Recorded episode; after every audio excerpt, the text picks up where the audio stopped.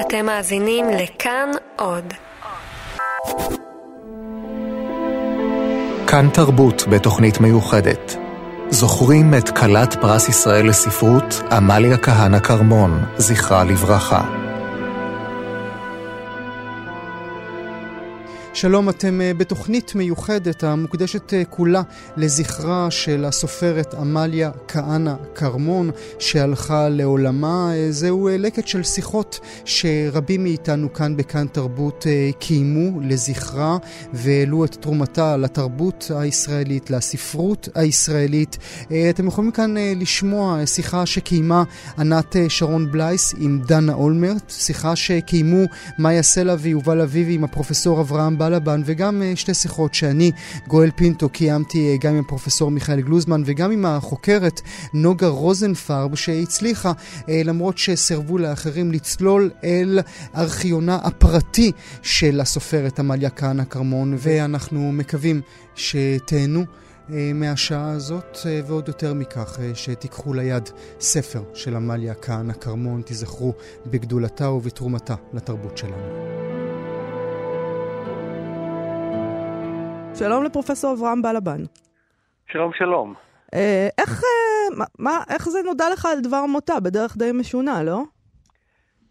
אה, כן, אני פשוט ביום רביעי פתחתי את, ה... את המייל שלי, וחיכה לי מייל עם אותיות גדולות, שעמליה כהנא כרמון איננה.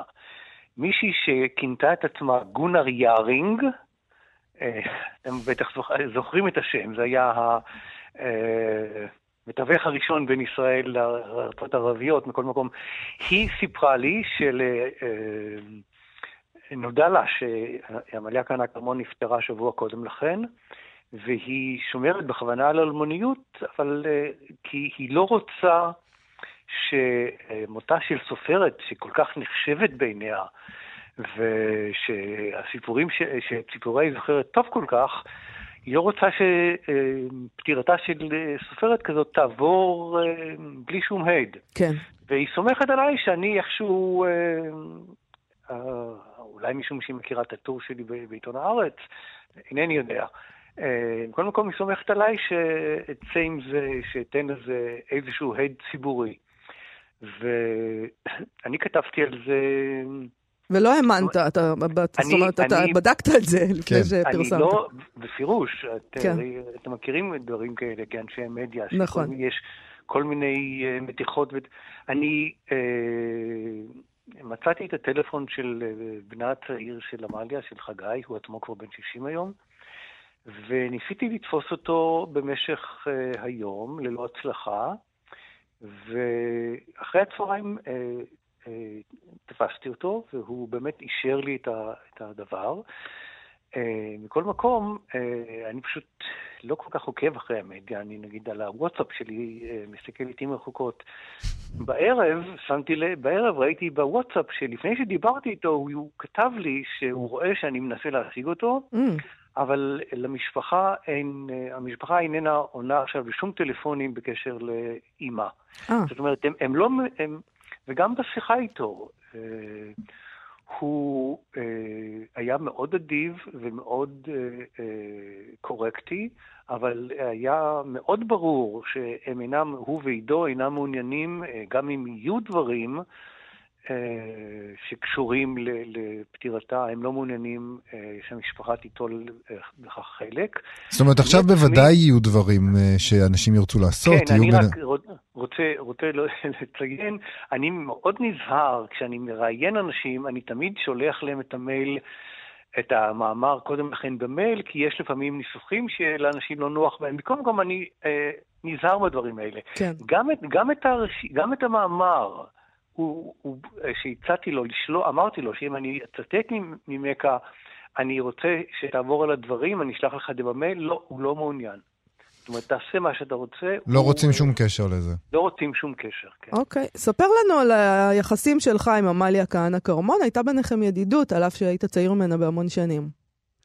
כן, הייתה, הייתה ידידות גדולה. אה, צריך לומר אולי באופן כללי שעמליה לא הייתה עם הרבה ידידים. זאת אומרת, אה, בדרך כלל היה היו לה ידיד או שניים, ש...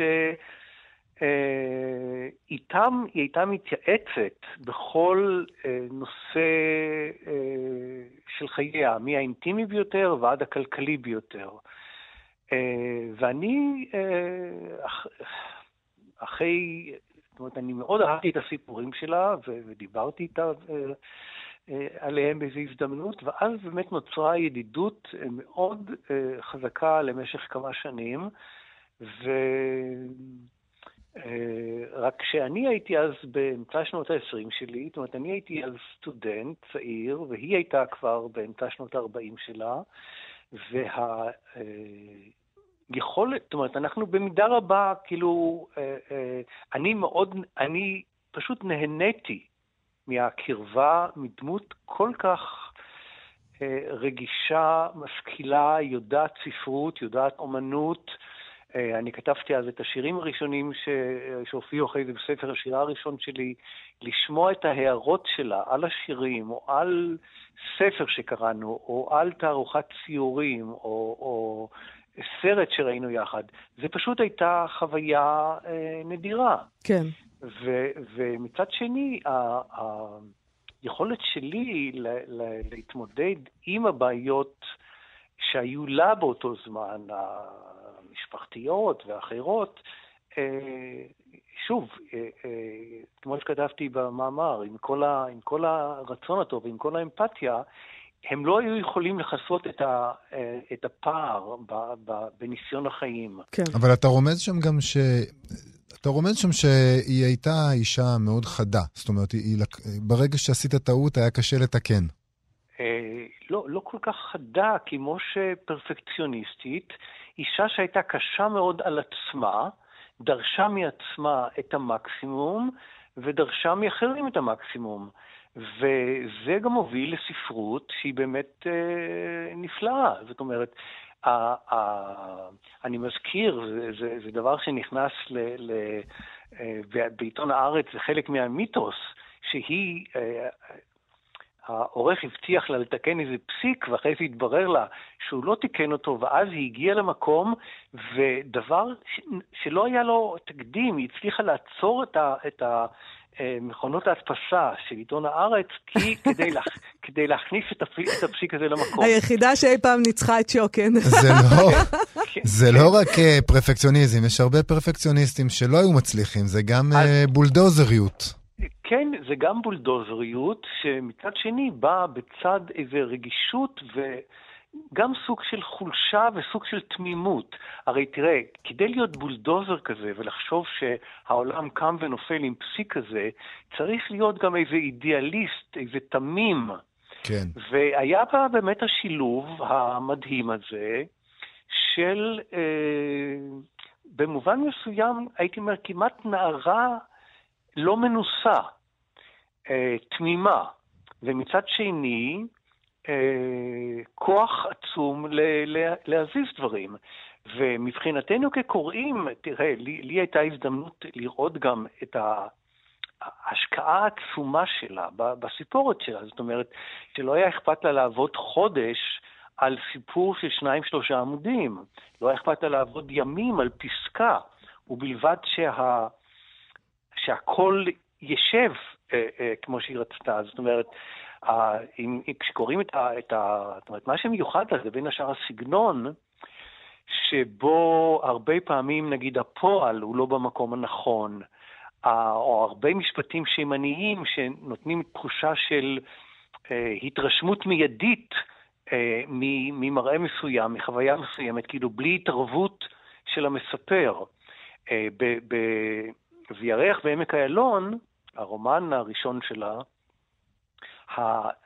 למעשה הרבה מאוד תיאורים אה, מופיעים כיחידות עצמאיות, כמו, כמו מספרים בהצגת קרקס או בקברט, ולא רק זה, אלא שאחר כך הקריאה הופכת להיות למורכבת יותר, כי הקו העלילתי הליניארי נשבר, וכל אה, פסקה כזאת אה, מופיעה למעשה במין, אה, אה, בין יחידות אחרות שהן לא קשורות ל, ל... זאת אומרת, נוצר מעין קולאז', ואז אתה צריך את היחידה גם לקרוא מתוך היחסים שלה עם היחידות הטקסטואליות הסמוכות, אבל גם בתוך הרצף העלילתי, וגם מתוך כל מיני הקבלות שנוצרות בין היחידות האלה. זאת אומרת, זה... זה קריאה מאוד מאוד מורכבת, ולכן כמובן היא אף פעם לא הייתה אה, אה, ברשימות רבי המכר. אתה כתבת עליה אבל שהיא הייתה ונותרה המלכה הבלתי מעורערת של הספרות העברית. תמקם אותה, מה בעיניך חשיבותה בספרות תראי. העברית? כי אתה יודע, מצד שני אתה אמרת, היא הייתה דמות מרכזית בגל, החד... בגל החדש של הסופרים העבריים לצד עמוס עוז, אפלפלד, אלף בית יהושע, אבל היא לא זכתה למרכזיות שהם זכו לה, אולי כי היא הייתה אישה. אה, יכול להיות, אם כי... אה, אה, היא בלי ספק תלתה את זה גם בעניין הזה של האישה. אגב, בצעירותה היא בפירוש התנגדה שיגדירו אותה כסופרת נשית. הסיסמה שלה הייתה, כל מה שאתה יכול לעשות, אני יכולה לעשות עוד יותר. Everything you can do, I can do better. כן. זאת אומרת, היא, היא בפירוש רצתה להצטיין כ, כיוצרת, אבל לאו דווקא כ, כאישה.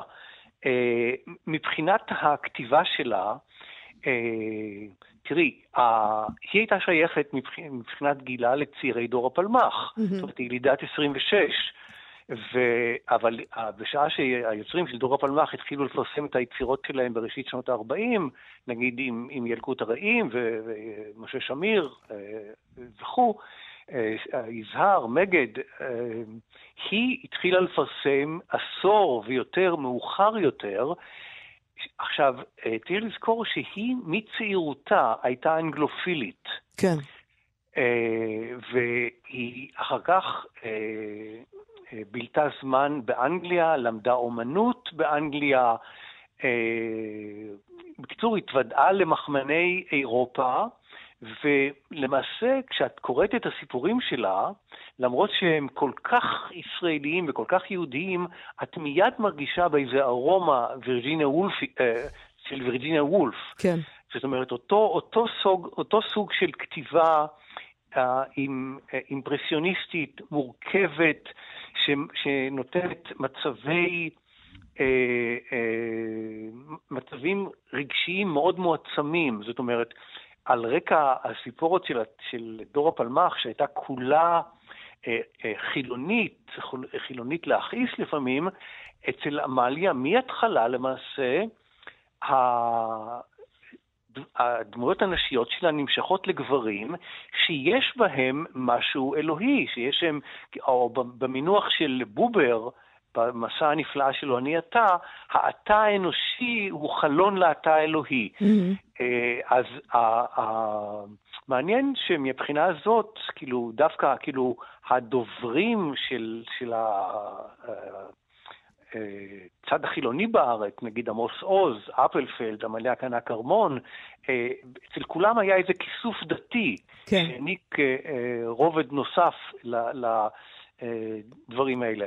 אבל אה, תחשבי, תחשבי על אה, סמך יזהר. אה, כשקוראים את הסיפורים שלו, נגיד אפילו את, את חיר בת חיזה ואת... את, את יכולה לראות את מערך הכוחות, את יכולה לראות את, ה, את המלחמה ברומן הגדול שלו. בימי ציקלג. אצל עמליה, ב, ב, בסיפור הראשון שהיא פרסמה, בבאר שבע, בירת הנגב, שהוא שוב על רקע ביוגרפי לגמרי, כי היא באמת הייתה בחטיבת הנגב כקשרית, והדגש בסיפור הוא על היחסים המיוחדים שנוצרים בין אילנה, הגיבורה, לבין נוח.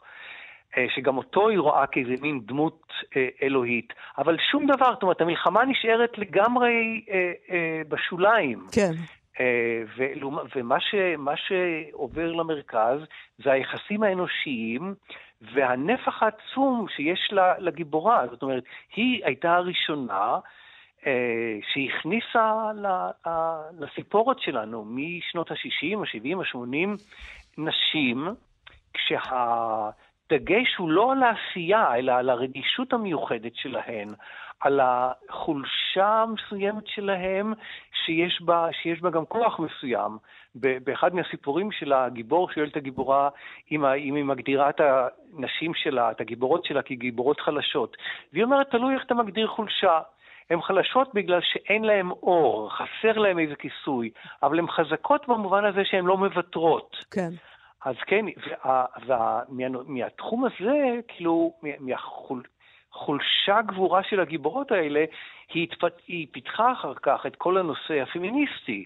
ביצירה המאוחרת שלה, היא למעשה הפכה להיות הקול הפמיניסטי המרכזי.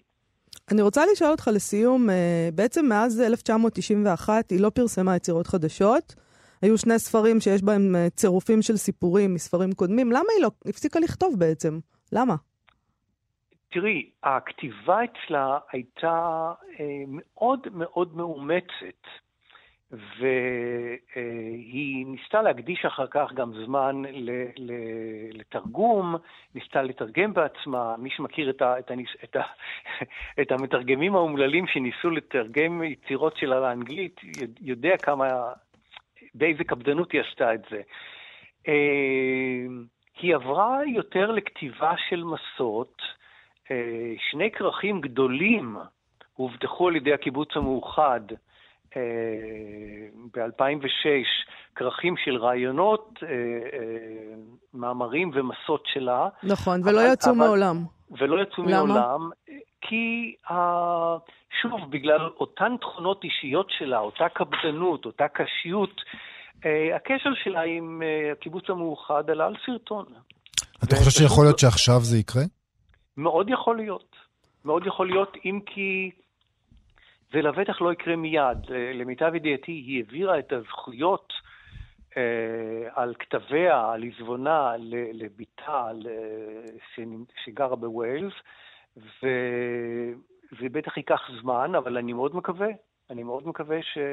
למעשה, כל מה שהיא נגעה בו, גם המסות שלה, הן מלאות אה, תובנות מעניינות. אני, אני בטוח שיש אה, רבים שמצפים לזה, וגם העובדה שהרשימה שלי עוררה גל כזה עם, עם עשרות אלפים של כניסות למאמר.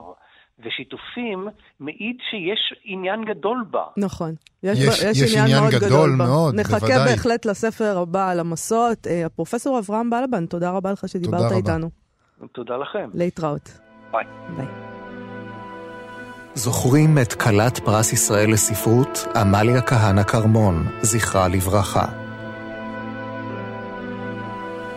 ללא כתבתו של הפרופסור אברהם בלבן אתמול בעיתון הארץ לא היינו יודעים על מותה של כלת פרס ישראל לספרות הסופרת עמליה כהנא כרמון. זה כבר שבועיים שהיא הלכה לעולמה ואיש מלבד משפחתה לא ידע על כך. נעיר עכשיו זרקור על תרומתה של הסופרת הנפלאה הזו, ילידת קיבוץ עין חרוד, שלימים הוגדרה כמלכה הבלתי מעורערת של הספרות העברית. נעשה זאת עם הפרופסור מיכאל גלוזמן מהחוג לספרות באוניברסיטה. האוניברסיטה העברית. שלום לך, תודה שאתה איתנו הבוקר. אני רואה שהעברת אותי לירושלים, לא, אני באוניברסיטת תל אביב. אוניברסיטת תל אביב.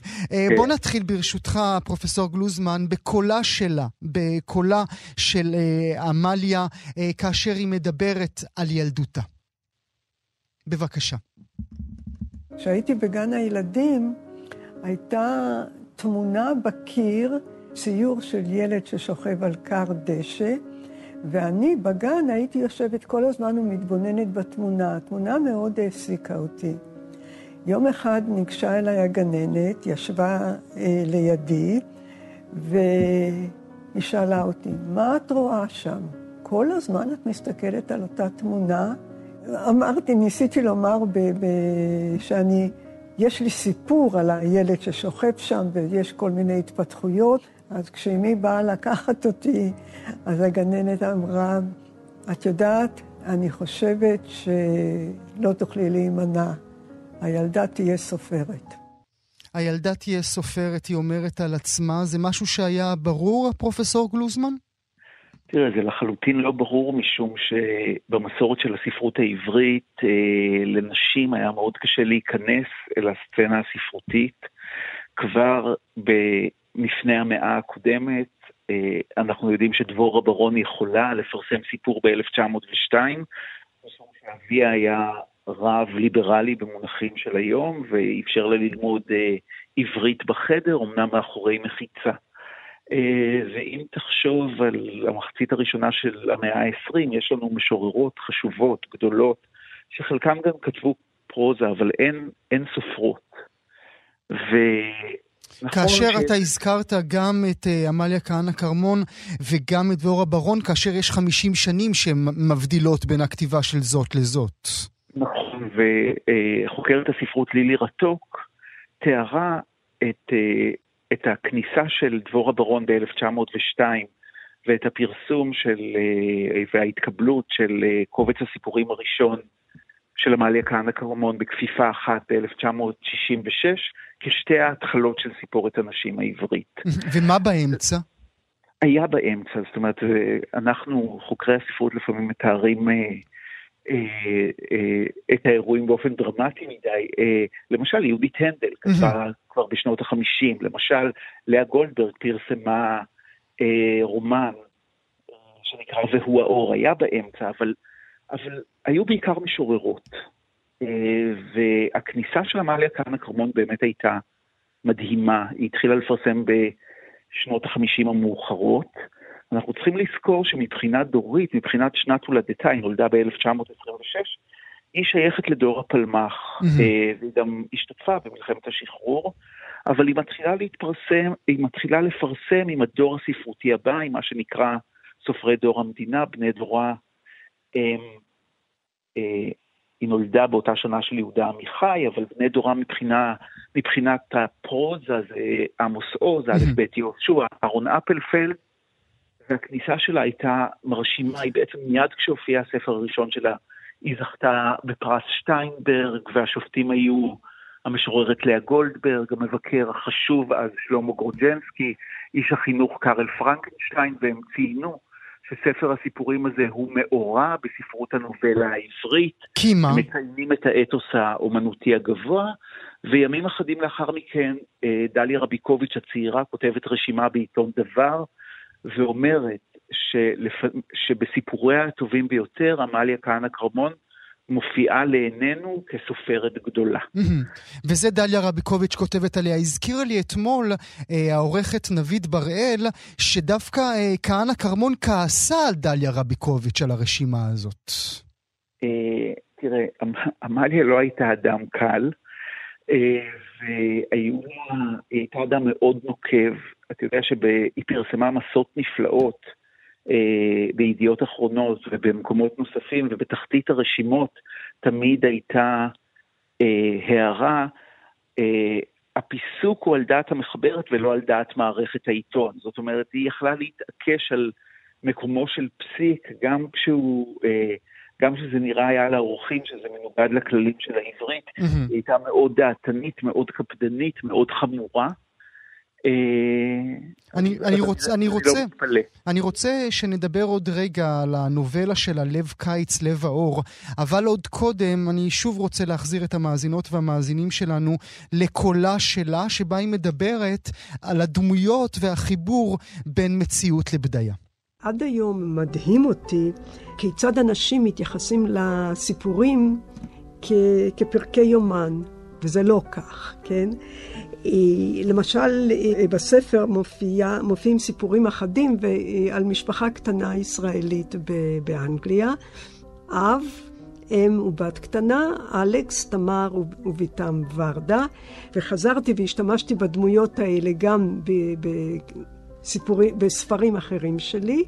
ו- ולא פעם קרה שאנשים היו מציגים את בעלי אה, בפני אנשים ואמרו, תכירו בבקשה, אלכס.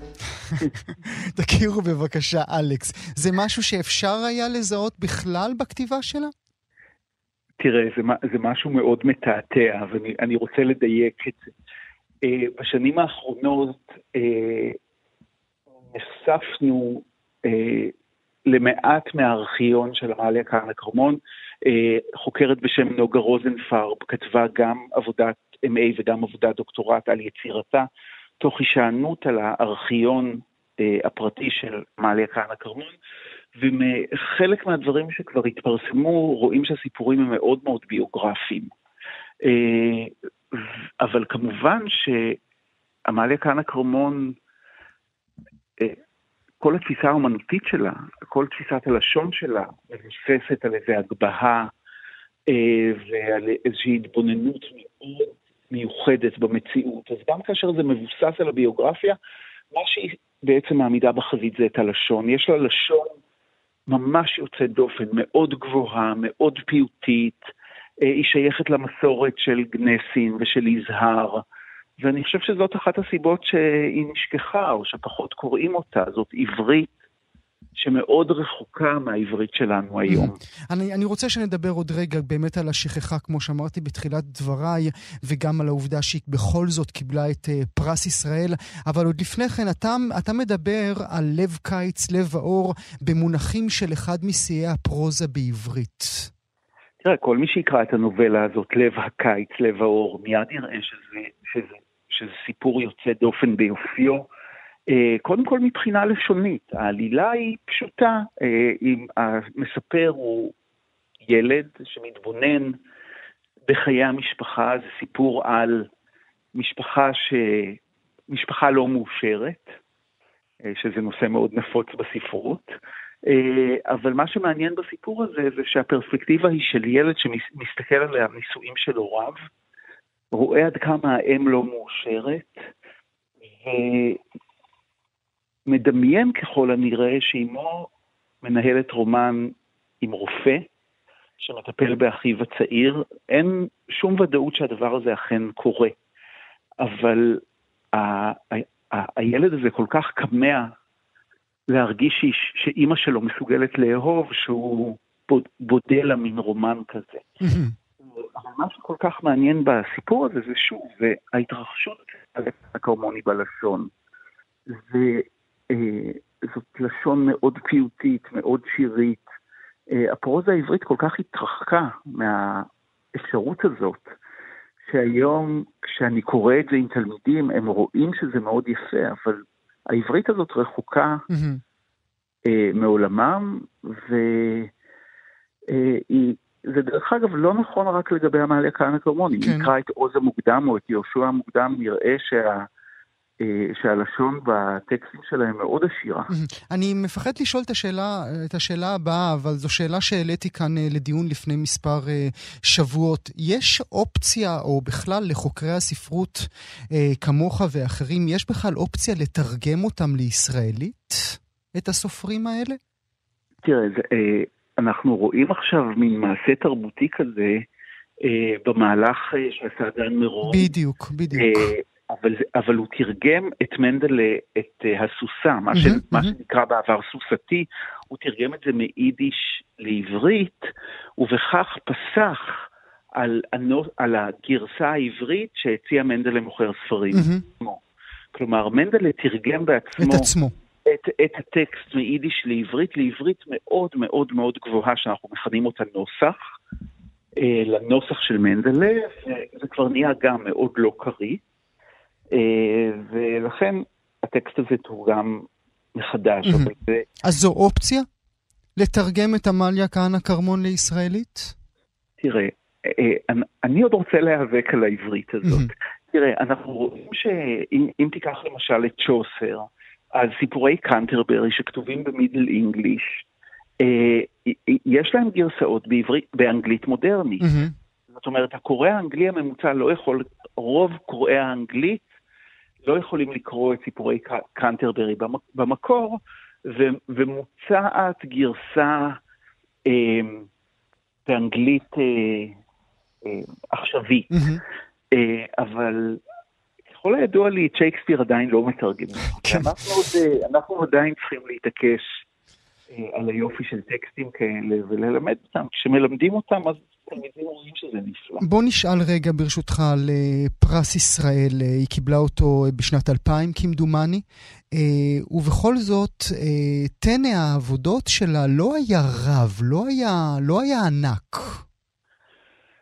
תראה, לעמליה כהנא כרמון קרה משהו, היא התחילה, היא פרצה בסערה, היא פרסמה טקסטים נפלאים, אה, כשבלבן מכנה אותה המלכה של הסיפורת העברית, היא, אה, הוא, לא, הוא לא מטעה, אבל כאשר הספרות העברית נעה לכיוון של הרומן ואל צורות יותר פופולריות, עמליה כהנא כרמון לא, לא הסתגלה למהלך הזה. אה, אנחנו רואים שבני דורה, כמו למשל אפלפלד ועוז ויהושע, עשו את המהלך הזה ביתר קלות. תחשוב שגם, בסך הכל גם, גם המאהב של א' ב' יהושע, הרומן הראשון שלו מתפרסם במחצית השנייה של שנות ה-70. אה, זה יותר מ-20 שנה לאחר שהוא, כ-20 שנה לאחר שהוא מתחיל לכתוב. אבל יהושע למשל הסתגל לצורה הזאת של הרומן מאוד בקלות, אה, מהרגע שהוא התחיל. אבל ארמון בעיניי היא אומנית הסיפור הקצר. ובשנות ה-60 וה-70 הסיפור הקצר היה מאוד מרכזי בספרות העברית. אז היה מאוד קל לה לבלוט. אה, מהרגע שהדגש היה על הצורה הארוכה, בעיניי היא איבדה מה, משהו מהכוח שלה. ואני חושב שהיא עצמה הרגישה את זה. זה אני חושב שהיא נקלעה לאיזשהו אה, מעין מבוי סתום בכתיבה שלה. אבל... זה גם היא... קשור, זה גם קשור אה, לשכחה? אני חושב שכן. אני חושב ש... אה, אני חושב שבגלל שעוד הרבה שנים, עשורים לפני מותה, היא, היא למעשה הפסיקה לפרסם, או אה, לא, לא, לא הצליחה לכתוב ספרים שדיברו אה, אל הקהל הרחב, אני חושב שהדבר קשור לשכחה, אבל אני חושב שזה גם קשור להיותה אישה. אני רוצה להיות אה, ישיר וכנה בדבר הזה. עמליה כהנא כרמון היא כתבה מפרספקטיבה פמיניסטית, היו לה, היא כתבה מסות נפלאות כמו אה, להתבזבז על הצדדי, הכותרת כבר מדברת בעד עצמה. אה, אשתו של ברנר רוכבת שוב, והאהוב עליי ביותר זה מאמר שנקרא, או מסע שנקרא, אה, שירת העטלפים במעופם. וכמובן שהיא טענה שהאוזן הגברית לא, לא יכולה לשמוע את התדר הנשי הזה. והיא תיארה, את, היא תיארה בתיאור חשוב ומשפיע מאוד את הספרות העברית כבית הכנסת של הישראלי החילוני. Mm-hmm. והוא אמר, אנחנו יודעים איך בנוי בית כנסת. Mm-hmm. בקומה התחתונה נישאת תפילת הציבור, זאת התפילה החשובה, והסופר אה, בבית הכנסת הזה יכול להיות שליח ציבור, ואילו את, האישה, יכולה רק לשאת את תפילתך הפרטית, ובשאר הזמן תשבי, תשבי למעלה ותהיי בשקט. והיא מאוד, אה, היא כתבה על הדברים האלה, היא הייתה ערה להם. היא דיברה על הסטנדרט הכפול בקריאה, היא אמרה כשגבר כותב על אה, משבר, אה, אה, מש, המשבר שלו בשנות החמישים, כאשר הוא אה, חושב כבר על uh, לקראת יציאה לפנסיה, זה היה שנות החמישים של החמישים חדש, או בשנות השישים, ועל uh, חרדות האימפוטנציה, נדמה שהוא כותב על דברים אוניברסליים. ואילו כאשר אישה כותבת על החרדה שלה שהיא חדלה להיות מושכת, או על uh, מה היא תעשה כאשר ילדיה יצאו מהבית, היא כותבת על דברים שוליים, היא מתבזבזת על הצדדי, בלשונה של עמליה כהנא כרמון. תשים לב, הבעיה היא אותה בעיה, הבעיה של גבר מזדקן ושל אישה מזדקנת, אבל כאשר דנים בגבר, הדבר הזה נתפס כעניין אוניברסלי, כן. ואילו גורלה של האישה נתפס כאיזה דבר פעוט, צדדי. והנה לפחות אה, לנו ניתנה הזדמנות, אה, למרות שהנה כאמור כבר שבועיים שהיא הלכה לעולמה, ורק עכשיו בזכות אה, הפרופסור בלבן נודע לנו על מותה, להזכיר אותה, להזכיר אותה שוב למאזינות והמאזינים שלנו. הפרופסור מיכאל גלוזמן, אני מודה לך מאוד שהיית איתי הבוקר. קרוא את הספר כאן נקור. שערך מנחם פרי וקיבץ כמה מיצירותיה הנפלאות ביותר. אמור שוב את השם כי, הקו לא היה... מס... כאן נגור. כאן נגור. אז הנה, זה מה שהפרופסור גלוזמן שולח אתכם לקרוא, כאן נגור. אני מודה לך מאוד, תודה שהיית איתנו תודה רבה לכם. מותה של הסופרת, כלת פרס ישראל, עמליה כהנא כרמון, תפס אותנו לא מוכנים, אפילו דבר מותה נודע לנו כשבועיים לאחר לכתה. בימים האחרונים אנחנו עוסקים בכל תוכנית במורשתה ובכתיבתה. עכשיו אנחנו נשוחח עם הדוקטור נוגה רוזנפרב, שזכתה לצלול אל תוך ארכיונה הפרטי של הסופרת, אה, וגילויים מעניינים מתוכו. היא נמצאת איתנו. שלום לך, דוקטור רוזנפרב, תודה שאת איתנו. בוקר טוב. כיצד קיבלת אה, אה, אישור כניסה או אישור צלילה אל תוך הארכיון הזה שאנחנו יודעים שהוא סגור? אה, אני פגשתי את אה, עמליה בשנת 2010, בתחילת שנת 2010, לאחר התכתבות אה, במייל של כמה חודשים, ובה סיפרתי לה שאני אה, סטודנטית לתואר שני באוניברסיטת בר אילן. אה, באוניברסיטת תל אביב, סליחה, ואני אה, מעוניינת לכתוב עבודה סמינריונית על, ה, על הקטע בחיים שלה שבו היא שירתה בחטיבת הנגב. Mm-hmm. הגעתי לזה דרך הסיפור שלה, שנקרא באר שבע בירת הנגב, אבל. במהדורה הראשונה שלו הוא נקרא החרב המתהפכת. ואז ב-2010, קחי אותנו רגע במכונת כן. זמן, ב-2010 את מוצאת אותה היכן? Uh, הפעם הראשונה שנפגשנו הייתה בבית קפה קטן בתל אביב. אה, ליד הבית שלה, אה, בית קפה שהיא מאוד אהבה לשבת בו, ו... וזו הייתה שיחה די קצרה, היא הייתה מאוד תמציתית, אה, עמליה הייתה אישה מאוד פרטית, מאוד חשדנית בהתחלה, היא לא הבינה מה היא מעניינת, למה סיפור החיים שלה מעניין. אבל לאט לאט ככה כבשתי את ליבה והיא כבשה את ליבי, ומצאנו הרבה דברים אפילו משותפים, באהבה לספרות ובאהבה לאומנות. והיא בעצם הכניסה אותי לתוך החיים שלה, אין לי הגדרה אחרת. לאחר מכן, במשך כניסה אל תוך החיים שלה במובן של מה? של מפגשים שבועיים, של שיחות, של טלפונים? הכל, מפגשים לא שבועיים, כי היה קשה מאוד לפגוש אותה לפנים על מול פנים, אבל מפגשים שנערכו אחת לחודש, חודשיים, כבר לא בבית קפה בתל אביב, בדיור המוגן שבו התגוררה. המון אימיילים, עשרות, אולי מאות של אימיילים, היא כתבה המון, היא כתבה לי כל הזמן, כל פעם שהיא נזכרה באיזשהו פרט. ו... ושיחות טלפון, כן, שיחות טלפון. ומתי מתי, מתי המצב שלה מתחיל להידרדר? תראה, אני, הפעם האחרונה שדיברתי איתה הייתה ממש בדצמבר אה, 2012.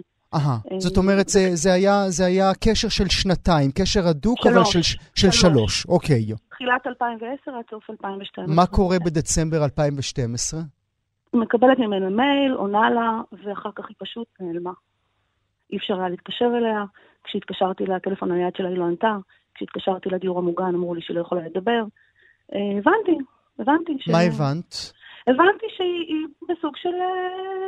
היא כתבה לי כל הזמן שהיא לא מרגישה טוב, והיא לא זכרה כל כך טוב כבר. היא, תראה, זה החלק הפחות אה, אה, מעניין, אני חושבת, אה, בסיפור שלה. אה, אני, אני בעצם אה, נסעתי באופן שבועי אה, לארכיון בירושלים, לארכיון הגנוז שלה, לאחר שהיא... הרשתה לי אה, לקרוא בו. רק, רק נקדים צעד אחד, היא העבירה את כל מה שהיה לה אל ארכיון הספרייה הלאומית. וגנזה אותו. וגנזה אותו. גנזה אותו, נסביר למאזינות והמאזינים, זה אומר מה? שאף אחד מלבדה לא יכול להיכנס אליו. נכון, נכון. נכון, והיא ברגע שהיא נתנה לי את האישור, בעצם, אה, כמו שאמרתי קודם, נכנסה אותי לחיים שלה, רצתה לשתף אותי בסיפור. היא פשוט הבינה שכנראה שהיא הבינה, היא לא אמרה לי את זה אף פעם, שהיא הולכת ושוכחת את הדברים. Mm-hmm. בשלב הראשון היא סיפרה לי עובדות, אבל בשלבים הבאים כבר אני סיפרתי למה מצאתי שם, והיא השלימה את הפרטים. ראיתי איך שהעיניים שלה אה, יש לה ניצוץ בעיניים כשאני מזכירה לה איזשהו סיפור, ואז היא פתאום שפכה את כל הסיפור. זה כאילו הדליק לה את, את האור באיזשהו סוג של אולי זאת אומרת, את הולכת אל הארכיון, את מגלה שם איזה צטלה קטן, חוזרת אליה אל הדיור, אומרת לה, תראי מה מצאתי, ואז היא נזכרת כתוצאה ממה שאת אומרת לה. בדיוק, ומעבר לזה היא מתחילה לבקש ממני כל מיני דברים, כי פתאום נזכרת שהיו לה שם סיפורים שתורגמו לשפות אחרות, והיו לה שם מכתבים שאבא שלה כתב לה ושהיא כתבה לאבא שלה. וכך לאט לאט אה, אה, אה, מקומות מגורים שלה בירושלים, ממי היא גרה, מי היו החברים שלה, מי היו האנשים שהשפיעו עליה, איזה ספרים היא קראה, לאט לאט היא...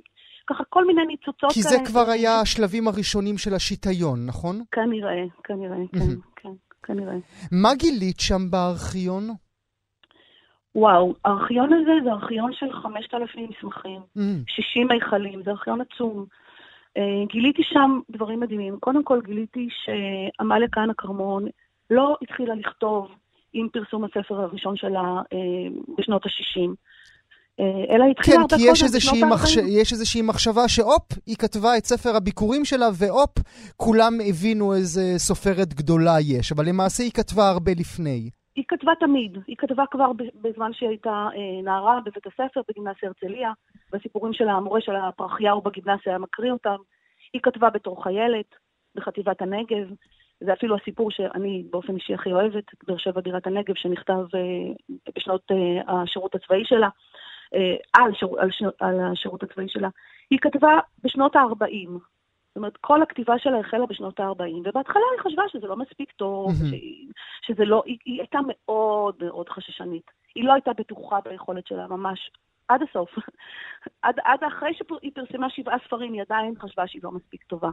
כי אה, זאת, כי זאת שאלה. שאנחנו שואלים במהלך הימים האחרונים, כאמור אנחנו עוסקים אה, בדמותה אה, של, אה, של, אה, של הסופרת במהלך הימים האחרונים, והשאלה שעומדת כל הזמן במרכז השולחן זה אם אנחנו אשמים, האם אנחנו אלה ששכחנו אותה, או לחילופין היא זו שלא בטחה מספיק בעצמה, או לחילופין יש כאן מס, מסמך אה, או סיפור משפחתי שאנחנו לא יכולים לרדת עד, עד סופו. מה התשובה שלך? התשובה שלי שזה שני הדברים הראשונים שאמרת. קודם כל, אנחנו לא מספיק אה, נתנו לה במה, ב, נאמר ב-20 שנה האחרונות לפחות, היא פשוט נשכחה. מהמם. היא פשוט נשכחה. היא נשכחה כי השפה שהיא כותבת היא שפה מאוד גבוהה ועשירה. היא נשכחה כי היא כותבת בשפה לירית, אימפרסיוניסטית. אה, לא כל אחד יכול לקרוא את הסיפורים שלה. אה, וגם כי זה כנראה היה חלק מהאישיות שלה. כשהיא רצתה כבר את, ה, את הפרסום ואת הבמה ואת ה... היא נהנתה מזה מאוד.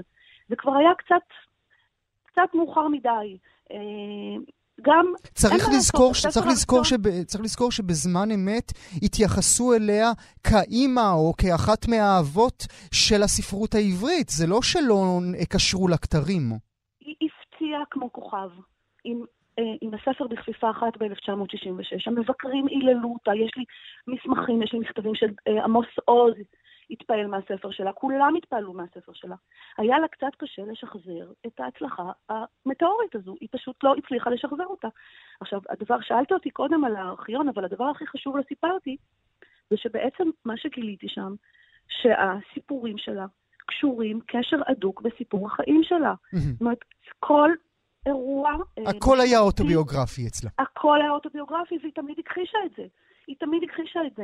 אה, אני, באחד האימיילים האחרונים שלי אליה, אני אומרת לה, מה תראי, זה זה, זה המכתב, וזה הסיפור. תראי, זה אחד לאחד, זה, זה ציטוטים, והיא ציטוטים מגיבה שלמים. איך? והיא מגיבה ואז איך? אני אקריא מה שהיא כתבה לי. היא כתבה לי ככה: יש משהו טיפ-טיפה מסולף כשמעבירים אל הנייר את סיפור החיים. אתה בונה עולם שהוא קצת מסולף מן העולם האמיתי. כפי שאני רואה את זה, הסיפורים שכתבתי היו ההיענות שלי לצורך. צורך חי, שלא הרפא ממני עד שהוא עלה על הכתב. זו הייתה התשובה, ללא פירוט. התשובות שלה הרבה פעמים היו סוג של אניגמה. את יודעת, את יודעת כן. לומר מה הסיפור המשפחתי? מדוע לא, מדוע לא ידענו על לכתה של הסופרת לפני שבועיים? ממש לא יודעת. אה, תראה, היא הייתה אישה נורא פרטית. היא מאוד, אה, כמו שאמרתי קודם, שמרה על החיים שלה בקנאות. אה, לא רצתה לשתף. אחרי ש... בפעם הראשונה כשסיפרתי לה שאני כותבת, היא אמרה, למה צריך? מי אני בכלל? מה אני מעניינת?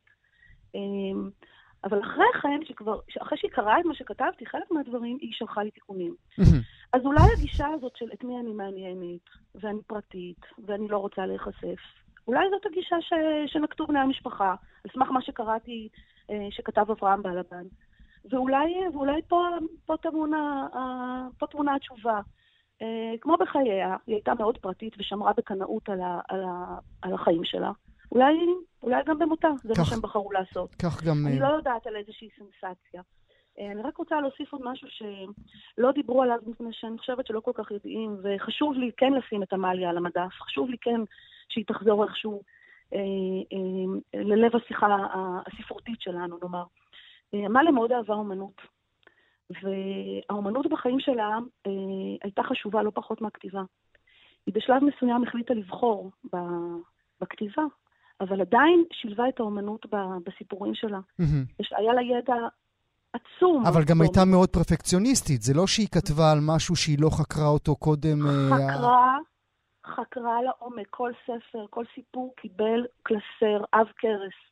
כל פרפר, כל פרח, כל שם, כל יצירה, יצירת מוזיקה, יצירה ספרותית, יצירה אומנותית, כל דבר חקרה, יכלה לכתוב על זה עבודה בפני עצמה. זאת אומרת, מעולם לא כתבה משפט שהוא לא היה אה, מגובה בידע שלה. והיא כתבה ומחקה, וכתבה ומחקה, וכתבה ומחקה, זאת אומרת, אה, עשרות טיוטות לכל סיפור, לפעמים אפילו מאות. של, של תיקונים והגאות. Mm-hmm. אנחנו ראינו את הכותרת אה, בעיתון הארץ שיצרה את מכונת הדפוס. כן, כן, זאת הייתה עמליה. אם הנקודה לא הייתה במקום, היא לא הייתה מרפה. ואולי, אה, ואולי לסיום נשאל, אנחנו נזכור אותה בהיסטוריה של הספרות העברית? אה, אנחנו חייבים, אה, אנחנו חייבים לזכור אותה. כמו שאמרת, היא הייתה מהאימהות של הספרות העברית. יש לה סיפורים מדהימים, יש לה סיפור חיים מרתק, מרתק. היא הייתה אישה רבת פנים, נחשונית, פורצת דרך. מיוחדת מאוד במינה. אה, הסיפורים שלה הם מאוד שונים מכל סיפור אחר שאני מכירה, מכל סופר שאני מכירה. אה, אסור לנו לשכוח אותה. ואולי... אני אעשה כל מה שאני יכולה כדי אה, להחזיר אותה להחזיר אותה אל המדף, אני קוראת לזה. ואולי אה, גם אה, מכאן אפשר אה, לקרוא קריאה משותפת להוצאות הספרים בישראל שמחזיקות בזכויות לספרים שלה, שאולי נראה הוצאות מחודשות לכל הכתיבה הנהדרת שלה. דוקטור נוגה רוזנפרד, אני, אני רוצה מאוד להודות לך שהיית איתי הבוקר. תודה רבה לך. זוכרים את כלת פרס ישראל לספרות, עמליה כהנא כרמון, זכרה לברכה. שלום, דנה אולמרט. שלום, שלום.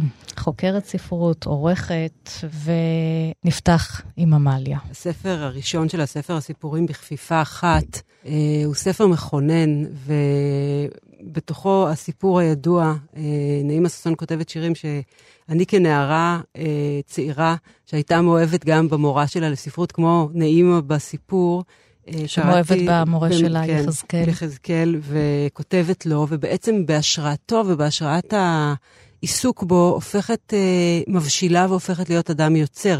לסיפור קוראים נעימה ששון כותבת שירים, אבל בעצם אנחנו יודעים שהיא כותבת גם פרוזה, משום שהסיפור עצמו מתגלה בסוף כסיפור שהיא כתבה, שמתאר את תהליך ה... היווצרות, היווצרות שלה האישה הכותבת. מתוך העמדה של מי שמאוהבת ומשתמשת במאוהבות שלה כ, כאיזו פרספקטיבה על העולם.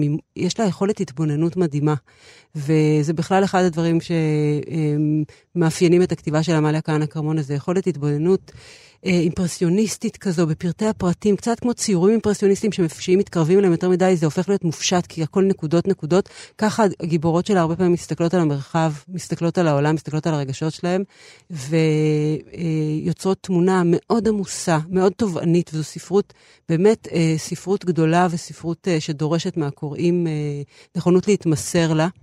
וזאת פרידה באמת מאחת מהיוצרות הגדולות של הספרות העברית, ואולי צריך לומר שיש לנו נטייה הרבה פעמים בהקשר של הספרות העברית ל... לחלק לדורות ולקבוצות, וזה עושה עוול הרבה פעמים, זה עושה עוול במיוחד ליוצרות נשים, זה נכון לשירה, זה נכון גם לפרוזה, כי משייכים אותם לתוך קבוצה של יוצרים לפי בני הדור שלהם, וזה זה אופן שמטשטש את הייחודיות ואת החד פעמיות שלה. אין ולא הייתה כעמליה כהנא כרמון בספרות העברית. היא שייכת לכל הדורות, וצריך גם לציין שסופרות חשובות, כמו רונית מטלון, שגם כבר לא איתנו, אבל סביון ליברכט ויהודית קציר ועוד רבות אחרות, הן קראו את עמליה כהנא כרמון נכון. והתחילו לכתוב בין היתר גם בעקבות עמליה כהנא כרמון.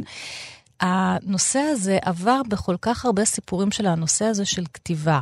גם אם הנשים נראו חלשות, הכוח שלהן היה זה שהן הפכו להיות נשים יוצרות, ולפעמים בגלל האהבה, או אהבה אכזבת אהבה, וזה מה שחשוב, זאת אומרת, המאוהבות שאפשרה להן לא לבטל את עצמן נכון. כוח, אלא דווקא לכונן את עצמם, להיות אישה יוצרת. נכון. והיא כתבה ו... את זה גם במסות נפלאות וגם בנאום שלה לרגל פרס ברנר. נכון, נאום מכונן, שבו כן. היא באמת אה, פורסת את, אה, תפיסת העולם ה... הפמיניסטית שלה, ויש uh, הרבה צירופי לשון וצירופים כבולים כאלה שככה קשורים לעמליה כהנא קרבון שהיא טבעה אותם, כמו uh, על טלפים במעופם, שהיא מדברת בעצם על התדר הזה שבו כתיבת נשים uh, פועלת עליו, שזה תדר שלא כל אחד שומע. Uh, צריך לכוון את האוזן uh, אליו, או להתבזבז על הצדדי, כן? שזה כמובן אירוני, כי זה אף פעם לא באמת להתבזבז, כי מי קובע מה צדדי ומה מרכזי, אז הכתיבה שלה כאילו עוסקת בצדדי, עוסקת בעצם בשאלות הקיומיות הכי גדולות. אני רוצה לקרוא קטע קצר. באמת השפיע מאוד. גם אם הסופרות היום, נשים נמצאות במקום אחר יותר טוב, זה עדיין מרתק לקרוא את מה שהיא אומרת, זה כמו אבוקה להאיר את הדרך, כמו נכון, שהיא אומרת. נכון, וגם אני, אני גם חושבת שכשאנחנו אומרים, אה, הרבה פעמים יש איזו מוסכמה שהתקבעה ביחס לעמליה כאן הכרמות, שהדמויות שלהן, של הנשים הן מאוד אה, תלותיות ונידיות כאלה, אבל תמיד צריך לבדוק אצלה, כי עניין שאלת נקודת המבט הוא מאוד מרכזי. מי קובע את זה ומי אומר את זה? וכשמתחילים להסתכל על נקודת המבט, רואים אה, שהכתיבה שלה היא באמת אה, כמו קליידוסקופ כזה, שכל הזמן, וגם רשומון, יש המון המון נקודות מבט, ושונות. דמויות, ומי שקובע שהדמויות הן חלשות הם הרבה פעמים מי שבעצמו אולי תלותי לא פחות מהן. אה, אני רוצה לקרוא קטע קטן מתוך, מתוך אה, נעימה ששון אה, כותבת שירים, שבו היא מתארת את, בעצם את האני מאמין הכותב שלה, כאדם כותב. היא מסתכלת בעולם, ואני הרהרתי, בסך הכל הר, עם יהודים רוכשים, כנמלים, נכנסות ויוצאות, עושות לביתן במעבה האדמה. אולם כל אחד ואחד יודע, כי עיר שחוברה לה יחדיו, בירושלים אני. מה מיוחד, מה נפלא, מה נבחר, הקרוב ביותר אל איזה מרכז, מה גדולה הזכות. כל אחד בליבו את הפלא חש. אולם אני, כשאהיה גדולה, אם ירצה השם, אדע להביע את הפלא בכתב, את כל הפלאים. אני מוכרחה, אחרת אין חיי חיים. ומה שיפה, זה, צריך לזכור שזה נכתב לפני 67. שזה נכתב ב-66. זאת אומרת, כן, ראה אור ב-66. אפילו קודם, כן, ראה אור ב-66, כן. בכפיפה. כלומר, ירושלים הזו שהיא מדברת עליה היא ירושלים שלפני. 67. כן. הסיפור נעימה ששון כותבת שירים שהפך להיות אחד הסיפורים המשפיעים בכלל בספרות הישראלית, והיא כתבה, עמליה כהנא כרמון באיזה ערב אה, לכבודו, כשהוא היה בן 25, היא אמרה, לפעמים נדמה לי שבתעודת הזהות שלי כבר צריך להופיע השם עמליה. נעימה ששון, כהנא כרמון. כי הוא כל כך אה, כן. מזוהה איתה, ראה אור בקובץ הסיפורים בכפיפה אחת, בהוצאת אה, קיבוץ המאוחד, ספריית הפועלים. אז זה אנחנו עם איזשהו כבוד אחרון אה, לעמליה כהנא כרמון. שהייתה אבוקה, להראות כן, לנו ועדיין, את הדרך. כן, ועדיין, אגב, בהקשר האקדמי לפחות, אני יכולה לומר שהיא נחקרת ועוסקים נכון. בה, ומהבחינה הזאת היא נצחית. תחזרו לקרוא אותה. כן, את העברית. נפלאה, נפלאה. כן, שלה כן. אין, אין עוד אחת כמוה. כאן תרבות בתוכנית מיוחדת. זוכרים את כלת פרס ישראל לספרות, עמליה כהנא כרמון, זכרה לברכה.